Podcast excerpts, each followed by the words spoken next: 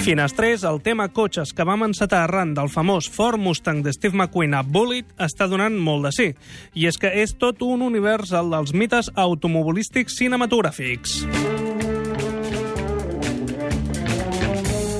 Insisteixo que aquestes apassionades votacions per parlar de Christine, dels cotxes de James Bond o del Batmòbil tenen el seu origen en aquest clàssic de culte de l'any 68 dirigit per Peter Yates.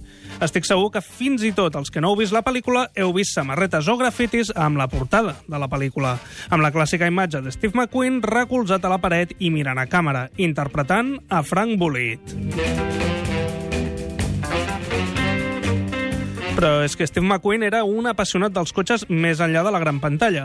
Com Howard Hughes amb els avions. La cosa va anar més o menys així.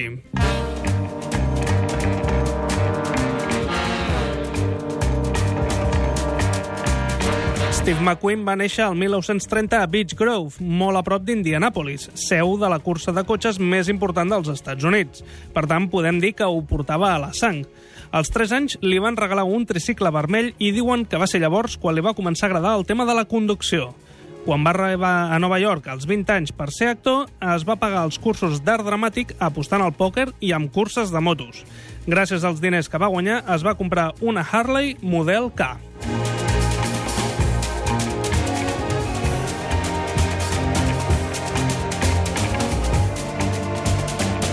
També va fer de mecànic esporàdicament, per guanyar-se la vida.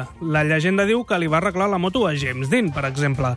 Descontent per no trobar papers, es va mudar a Califòrnia i va tenir la sort de protagonitzar la sèrie Randall el Justiciero. Amb els diners que li va donar aquesta sèrie, es va comprar un Porsche Speedster 1600 color negre i un Jaguar XKSS de color verd. De fet, Jaguar només en va fer 16 d'aquests cotxes, per a clients molt especials, ja que eren adaptació d'un cotxe de carreres. McQueen va canviar l'interior per pell negra i va fer instal·lar un compartiment per posar les ulleres de sol. Va batejar carinyosament aquest cotxe com la rateta verda.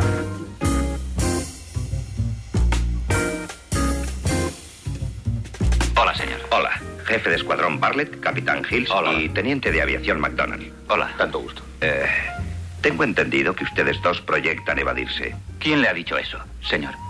McDonald, cuya misión es saber todo lo que ocurre aquí. Ah, Bien, eh, pensábamos que tal vez convendría discutirlo. ¿por qué si es un plan para dos? Mm, eh, Todo el mundo en el campo debe discutir anticipadamente sus planes de fuga con el jefe de escuadrón Bartlett. El 1963 estrena La Gran Evasió, on també protagonitzava una espectacular fugida en moto. Després d'aquell rodatge va afegir a la col·lecció altres peces de luxe com un Mercedes 300 SL, un Ferrari Berlinetta Lusso o un Lincoln Town Car i una Triumph Bonneville. Sempre va dir que no sabia si era un actor que corria o un pilot que actuava. Freqüentava Mulholland Drive per competir a curses il·legals i poc després va participar a la cursa oficial a Santa Bàrbara, on, per cert, va guanyar. Va competir a altres circuits, aconseguint un segon lloc a les 120 hores de Sebring, ni més ni menys. Podem agafar, per exemple, un tall de La huida del 1972 dirigida per Sam Peckinpah, Esta noche la pasaremos en un hotel. Lo primero que haremos mañana será comprarnos otro coche. i pam, cotxe al canto. Va impulsar el rodatge de les 24 hores d'Alemans de forma obsessiva fins que es va estrenar al 71. Un rodatge caòtic que va acabar en gran fracàs de la crítica. De fet, va intentar competir en les 24 hores d'Alemans mentre la rodava, però els productors van amenaçar amb fer-lo fora del projecte si ho feia.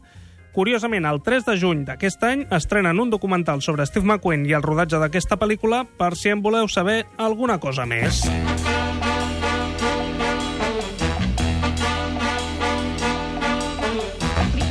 Señor Crown. ¿Dónde lleva la cámara? Oh, ¿se acuerda usted? Esas litografías, ¿puedo regalárselas? Pues entonces, ¿por qué? Pujé porque quería comprar. Fines benéficos. 500 es un precio razonable. ¿En qué revista trabaja? ¿Bazar? ¿Vogue? En eh, seguro, señor Crown. Estoy cubierto. Espero que así sea. També va fer de les seves al caso de Thomas Crown de Norman Jewison al 68. Va aconseguir que s'inclogués una escena on conduïa un buggy pel mig de les dunes. Aquest buggy va ser construït expressament per a la pel·lícula i gairebé arruïna la productora. Oiga, mire, siéntese, Ross. Tenemos una larga espera hasta el lunes. Nueve, Voy a ver si puedo conseguir algo de comer. 5, 9, 9, ¿Qué? 7. No. No, mira, 9, 7. Chalmers quiere que esté tranquilo. Haremos lo posible por complacerle. Oiga, capitán. Frank, He visto a Chalmers. Ajá. ¿Qué sabe de Ross? Chicago podría ser muy importante. Tenía acceso a los archivos, descifraba las comunicaciones al sindicato junto con su hermano Pete. ¿Me eligió Chalmers? Ajá. ¿Y sabe por qué? Sí, sé por qué. Se está preparando para un alto cargo. Tú eres siempre noticia interesante. Los periódicos te quieren mucho, Frank. Eh, sí. I per sobre de totes, Bullitt, clar, amb la seva mítica persecució de cotxes que durava 10 minuts i 53 segons. Peter Yates i Steve McQueen van pactar que posaria la cara molt a prop de la finestra oberta durant la persecució de cotxes, perquè quedés clar que era ell i no un doble d'acció qui l'estava rodant. En un principi, l'escena de la persecució havia de portar banda sonora, però Lalo Schifrin va insistir en que no calia, que ja tenia prou força per si sola.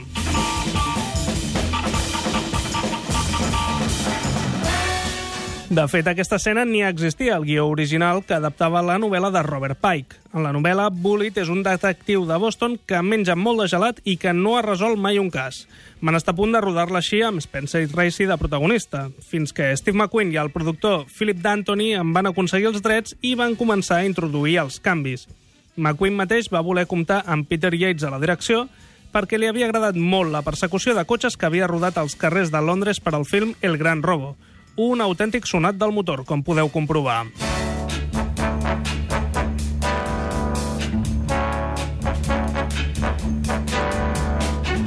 Com ja sabem, Bullitt conduïa un Ford Mustang 390 del 68, mentre que els dolents portaven un Dodge Charger 440 Magnum, que en realitat era un cotxe lleugerament més ràpid que el Mustang. No es va construir ni un sol set per a la pel·lícula, tot natural. De fet, per aquella època, San Francisco no era una localització habitual de rodatge. L'alcalde del moment, Joe Aliotto, volia canviar això i sabia que Bullitt seria una gran forma de promocionar la ciutat. De manera que van posar moltes facilitats al rodatge, com tancar un munt de carrers per a la famosa escena de la persecució. En el moment de la seva mort, Steve McQueen acumulava 55 cotxes i 210 motos i ja començava a interessar-se pels avions antics. Va morir jove, amb només 50 anys, i no va ser en una cursa de cotxes. Però com si ho hagués estat, perquè està clar que McQueen vivia cada dia com si fos l'últim.